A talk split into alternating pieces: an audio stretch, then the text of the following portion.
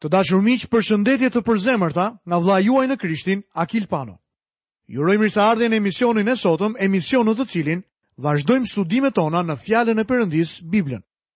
Sot do të ndalemi në kapitullin e 8 nga letra e apostullit Pal, pra nga letra e parë e apostullit Pal, drejtuar Korintasve. Në këtë kapitull do të studiojmë lirinë e krishterë në lidhje me ngrënien e mishit. Në këtë pjesë të kësaj letre do të flasim për lirinë e krishterë që fillon në kapitullin e 8 dhe do të mbarojë në vargun e parë të kapitullit të 11 në këtë letër. Kjo pjesë prek disa aspekte të lirisë së krishterë. Kapitulli 8 trajton çështjen nëse duhet apo jo të hamë mish dhe lirinë që duhet të ketë një fëmijë i Perëndisë në këtë fushë të veçantë. Ndërkohë që studiojmë këtë pjesë, duhet të kuptojmë që Pali po u shkruan Korintasve dhe i quajti njerëz mishorë ose bebe në Krishtin. Në fillim ai merret me njerëzit që ishin ende në mish dhe pastaj me më shpirtërorët. Meqenëse kisha bashkëkohore jeton dhe lëviz në mish, mendoj që kjo pjesë është shumë me vend për ne. Subjekti i ushqimit është i diskutueshëm si martesa dhe divorci. Ushqimi është si një lloj mode. Ushqimi në përgjithësi është një pjesë thelbësore e riteve të shumë kulteve. Shumë prej tyre kanë rregulla të forta për ushqimin. Interesant është fakti që Perëndia në Testamentin e Vjetër i dha Izraelit disa kufizime në lidhje me ngrënien e mishit. Një kafshë e ngrënshme duhet ta kishte thundrën të ndarë dhe ta hante ushqim të ripërtypur. Ky rregull linte jashtë derrin që e kishte thundrën të ndarë, por që nuk e ripërtypte ushqimin. Ekzistonin gjithashtu edhe disa shpendë dhe peshq që ishin të përcaktuar me emra si jo të përshtatshëm për ushqim. Ju mund ta gjeni një listë të tyre në librin e Levitikut ose tek Ligji i Përtërirë, kapitulli i katërmbëdhjetë.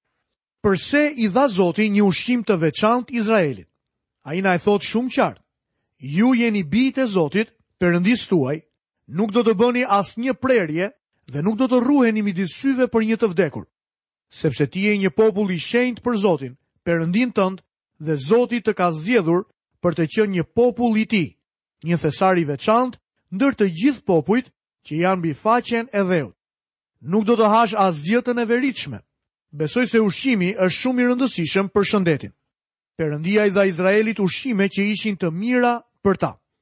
Sot gjejmë doktorët, të cilët këshillojnë njerëzit të mbajnë dieta të caktuara ushqimore, të cilat përjashtojnë ushqime të caktuara. Lexojmë nga kapitulli i 8, vargun e parë dhe të dytë. Për sa u përket flijimeve për idhujt, ne e dimë se të gjithë kemi njohuri.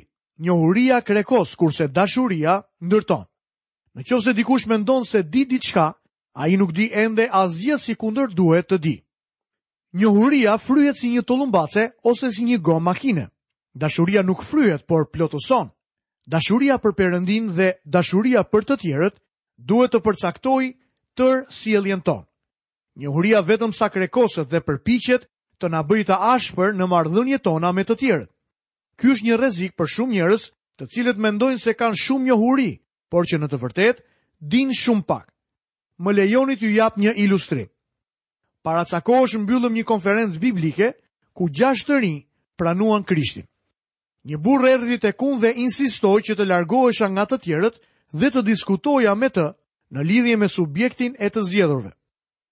U largova mënjanë dhe fillova të bisedoja me të për disa momente derisa zbulova se ai nuk donte të diskutonte, por vetëm të më tregonte se çfarë mendonte për zgjedhjen. Zbulova se kohët e fundit kishte lexuar për këtë subjekt dhe mendonte se dinte gjithçka për të. Ndërkohë që e dëgjoja, m'u kujtua vetja kur isha student dhe shkoja në zyrën e një profesori të teologjisë për t'i treguar se çfarë mendoja për zgjedhjen. Mendoja se po i tregoja atij diçka që nuk e dinte. Nuk e di se në çfarë niveli shpirtëror jeni ju sot, Por di t'ju them se nuk dini gjithçka për çdo subjekt, madje as unë. Të gjithë ne jemi në një proces mësimi. Apostulli Pal mund të thoshte për veten e tij, që të njoh atë dhe fuqinë e ringjalljes së tij dhe pjesëmarrjen në mundimet e tij. Mbi gjithçka tjetër ne kemi nevojë për njohurinë e Krishtit. Nëse ai njeri që donte të diskutonte për zgjedhjen do të qeverisej nga dashuria, do të ishte i lumtur për shpëtimin e këtyre të rinjve dhe nuk do të më largonte nga njerëzit që kishin nevojë për inkurajim dhe këshillë nga Perëndia. Apostulli Pal po thotë që ne kemi një njohuri të caktuar dhe sjellja jonë qeveriset prej saj. Lexojmë më poshtë në vargun e tretë. Por në qoftë se dikush e do Perëndinë, ai është i njohur prej tij. Ne duhet të qeverisemi nga dashuria më tepër sesa nga njohuria. Lexojmë vargun e katërt.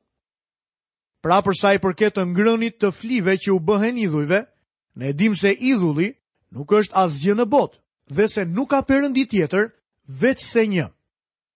Pasi keni ardhur tek Krishti, pasi keni fjalën e Zotit, e dini që një idhull është një hiç. Apostulli Pal foli në këtë mënyrë për idhujt. Ata janë një hiç. Ekziston vetëm një perëndi. Kështu ai thotë që mishi që u ofrohej idhujve nuk ndikohej nga kjo gjë. Atij nuk i ndodhte asgjë. Ai nuk ndotej. Në fakt, ishte mish i shkëlqyer. Kështu që të krishterët e mësuar mund të shkonin atje për të marrë dhe për të ngrënë mish pa problem. Lexojmë vargjet 5 dhe 6. Sepse ndonëse ka të ashtuquajtura perëndi në qiell a në tokë, sikurse ka shumë perëndi dhe shumë zotër, për ne s'ka veçse një perëndi, Ati nga i cili janë të gjitha gjërat dhe ne në të. Dhe një Zot, Jezu Krishti, me anë të të cilit janë të gjitha gjërat dhe ne jetojmë me anë të tij. Këta idhuj quheshin perëndi. Ndërkohë që qëndroja në rrënojat e tempullit të Apollonit në Korint, më shkoi mendja te ky pasazh i shkrimit. Solla ndërmend të gjitha sakrificat që ishin ofruar për imazhin e Apollonit. Ato nuk ishin asgjë. Mishi çohej përpara një idhulli, lihej atje për pak kohë dhe pastaj çohej në dyqanin e mishit.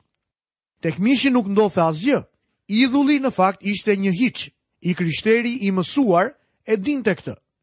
Ai e dinte që ekzistonte vetëm një përëndi, ati Zoti Jezu Krisht. Ai i bëri të gjitha gjërat dhe të gjitha gjërat i përkasin Atij. Lexojmë më poshtë në vargun e shtatë. Por njohuria nuk është në të gjithë. Madje disa të ndërgjegjshëm për idhullin hanë gjëra po si të flijuara idhujve, dhe ndërgjegja e tyre, duke qenë e dobët, përlyhet. Të dobëtit, bebet në Krishtin, të krishterët mishorë, ofendoheshin nga mishi i ofruar idhujve.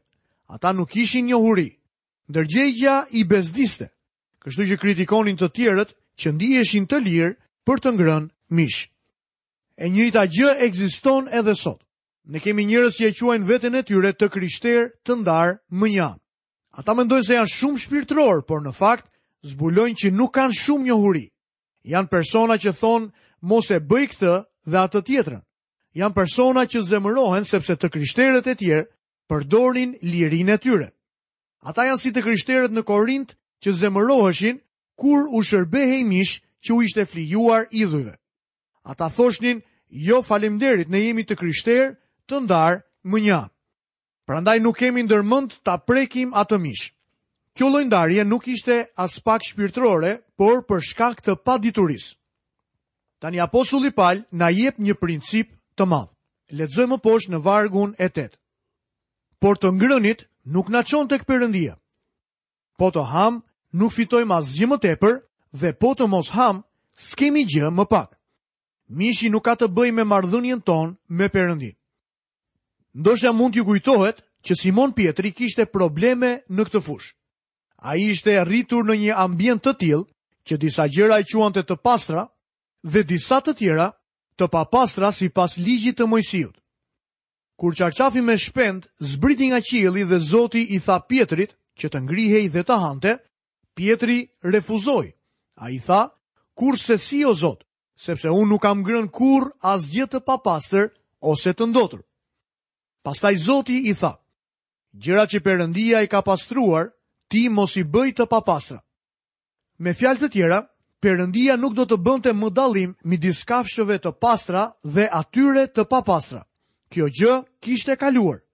Tani ne mund të hamë çfarëdo lloj kafshe që na pëlqen të hamë. Diku në San Antonio të Teksasit, njerëzit hanë mishin e gjarpërit me zile. Nëse ke ndërmend të gatuash gjarpër me zile për drekë, atëherë mos mendo të më ftosh mua. Kjo nuk ka të bëjë me ndërgjegjen fetare, por ka të bëjë me një stomak të dobët. Apostulli Pal shpalli një princip me të vërtetë të madh. Mishi nuk të lavdëron ty përpara Zotit. Ti mund të bësh si të të pëlqejë në çështje të tilla. Kjo është liria që ka besimtari. Lexojmë vargun e nëntë. Por kini mendjen se mos kjo liri që keni të bëhet pengesë për të dobëtit. Çështja nuk qëndron në faktin nëse është gjë e drejtë apo e gabuar të hash mish. Kjo ka të bëjë me të tjerët. Ti ke liri të hash çfarëdo lloj mishi nëse do. Por për sa i përket interesit tënd për të tjerët, ti ke njohurinë, po dashuria jote. A ke dashuri për vëllain tënd të dobët? A je i interesuar se si do të ndikojë kjo gjë tek ai? Lexojmë vargun e 10. Sepse në qoftë se dikush të sheh ty, që ke njohuri, të ulur në tryezë në një tempull idhujsh, ndërgjegja e tij që është e dobët, a nuk do të marrë guxim që ai të hajë gjërat e flijuara për idhujt? Arsyeja se përse shumë nga ne që janë në shërbimin e krishterë nuk bëjnë disa gjëra është që të mos zemërojnë apo skandalizojnë të tjerët. Ka shumë gjëra të cilat jam i lirë t'i bëj, por që nuk do t'i bëja. Përse? Vendimi im është në bazë të dashurisë. Unë nuk dua të lëndoj vëllain tim të dobët. Për shkak të shembullit tim, ai mund të jepet pas vallëzimit, pijes, duhanit apo gjërave të tjera dhe unë nuk dua të jem përgjegjës për largimin e tij nga Zoti, sepse ai është një vëlla i dobët. Lexojmë vargun e 11. Edhe kështu për shkak të njohurisë sate do të humbasë vëllai yt i dobët për të cilin vdiq Krishti. A mund ta shihni? Ne veprojmë në bazë të principeve të ndryshme. Kjo nuk është çështje e një aktiviteti të drejtë apo të gabuar, por ka të bëjë me ndikimin me vëllain e dobët ose me fqinjin tënd. Njohuria mbi të gjitha është diçka e rrezikshme. Lexojmë vargun e 12. Dhe kur mëkatoni kështu kundër vëllezërve, duke plagosur ndërgjegjen e tyre të dobët, ju mëkatoni kundër Krishtit. Kur ne jemi përgjegjës për largimin e një besimtari nga Krishti, ne jemi duke dëmtuar vetë Krishtin. Lexojmë vargun e 13. Prandaj në qoftë se një ushqim skandalizon vëllanë tim, unë nuk do të ha më kurrë mish që të mos e skandalizoj vëllanë tim. Ky është motivi për të vepruar ndaj këtyre gjërave. Pali do t'i kthehet këtij principi sërish në kapitullin e 10. Gjithçka më lejohet, por jo gjithçka është e dobishme.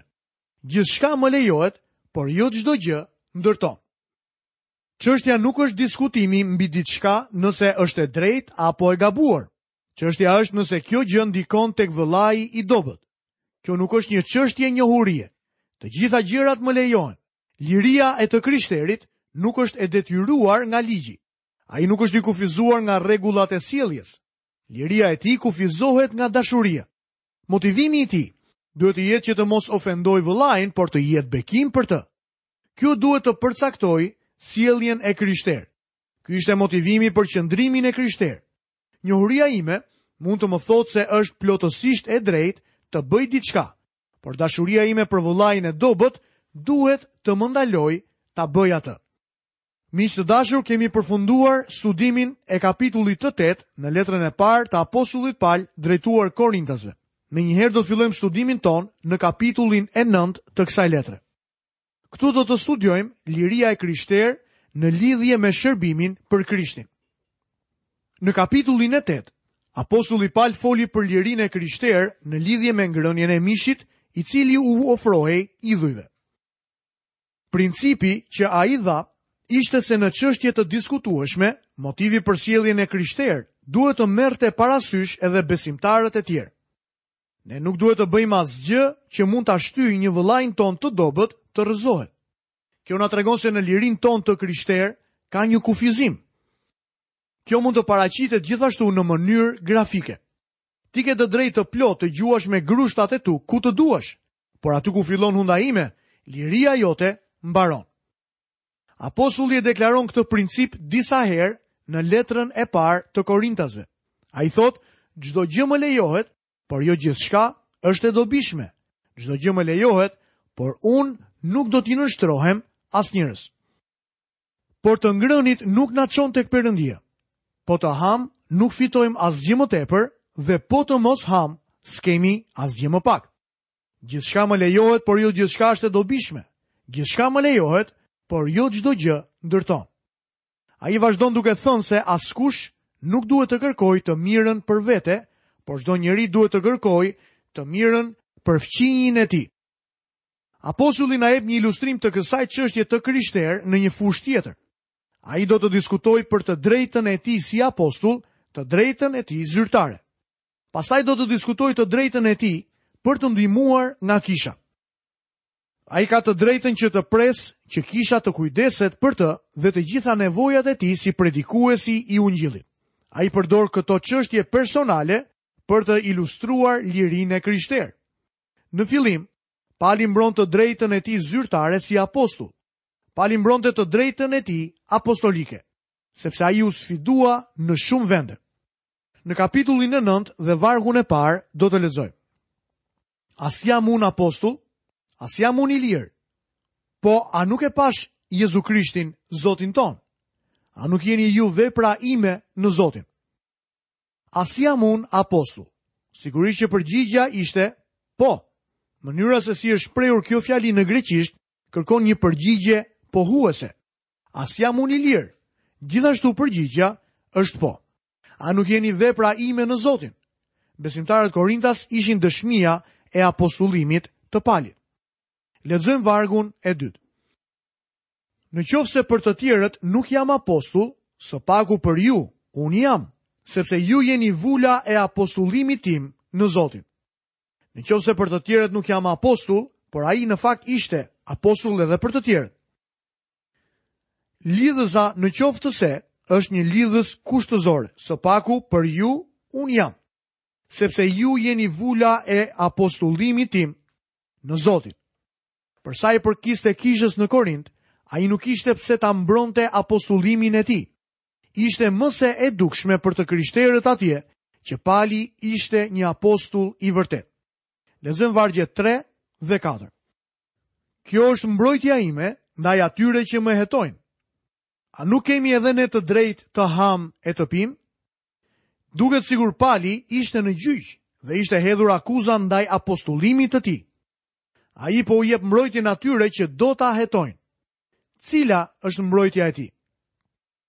A nuk kemi edhe ne të drejtë të hamë e të pimë? Si një apostull i Zotit Jezu Krisht, Pali kishte të drejtë të hante dhe të pinte. Si një apostull, ai e kishte këtë liri. Gjithsesi, ajo liri frenohet dhe zvogëlohet nga të tjerët. Ai kishte deklaruar me guxim. Prandaj në qoftë se një ushqim skandalizon vëllain tim, unë nuk do ta ha më kurrë mish që të mos e skandalizoj vëllain tim.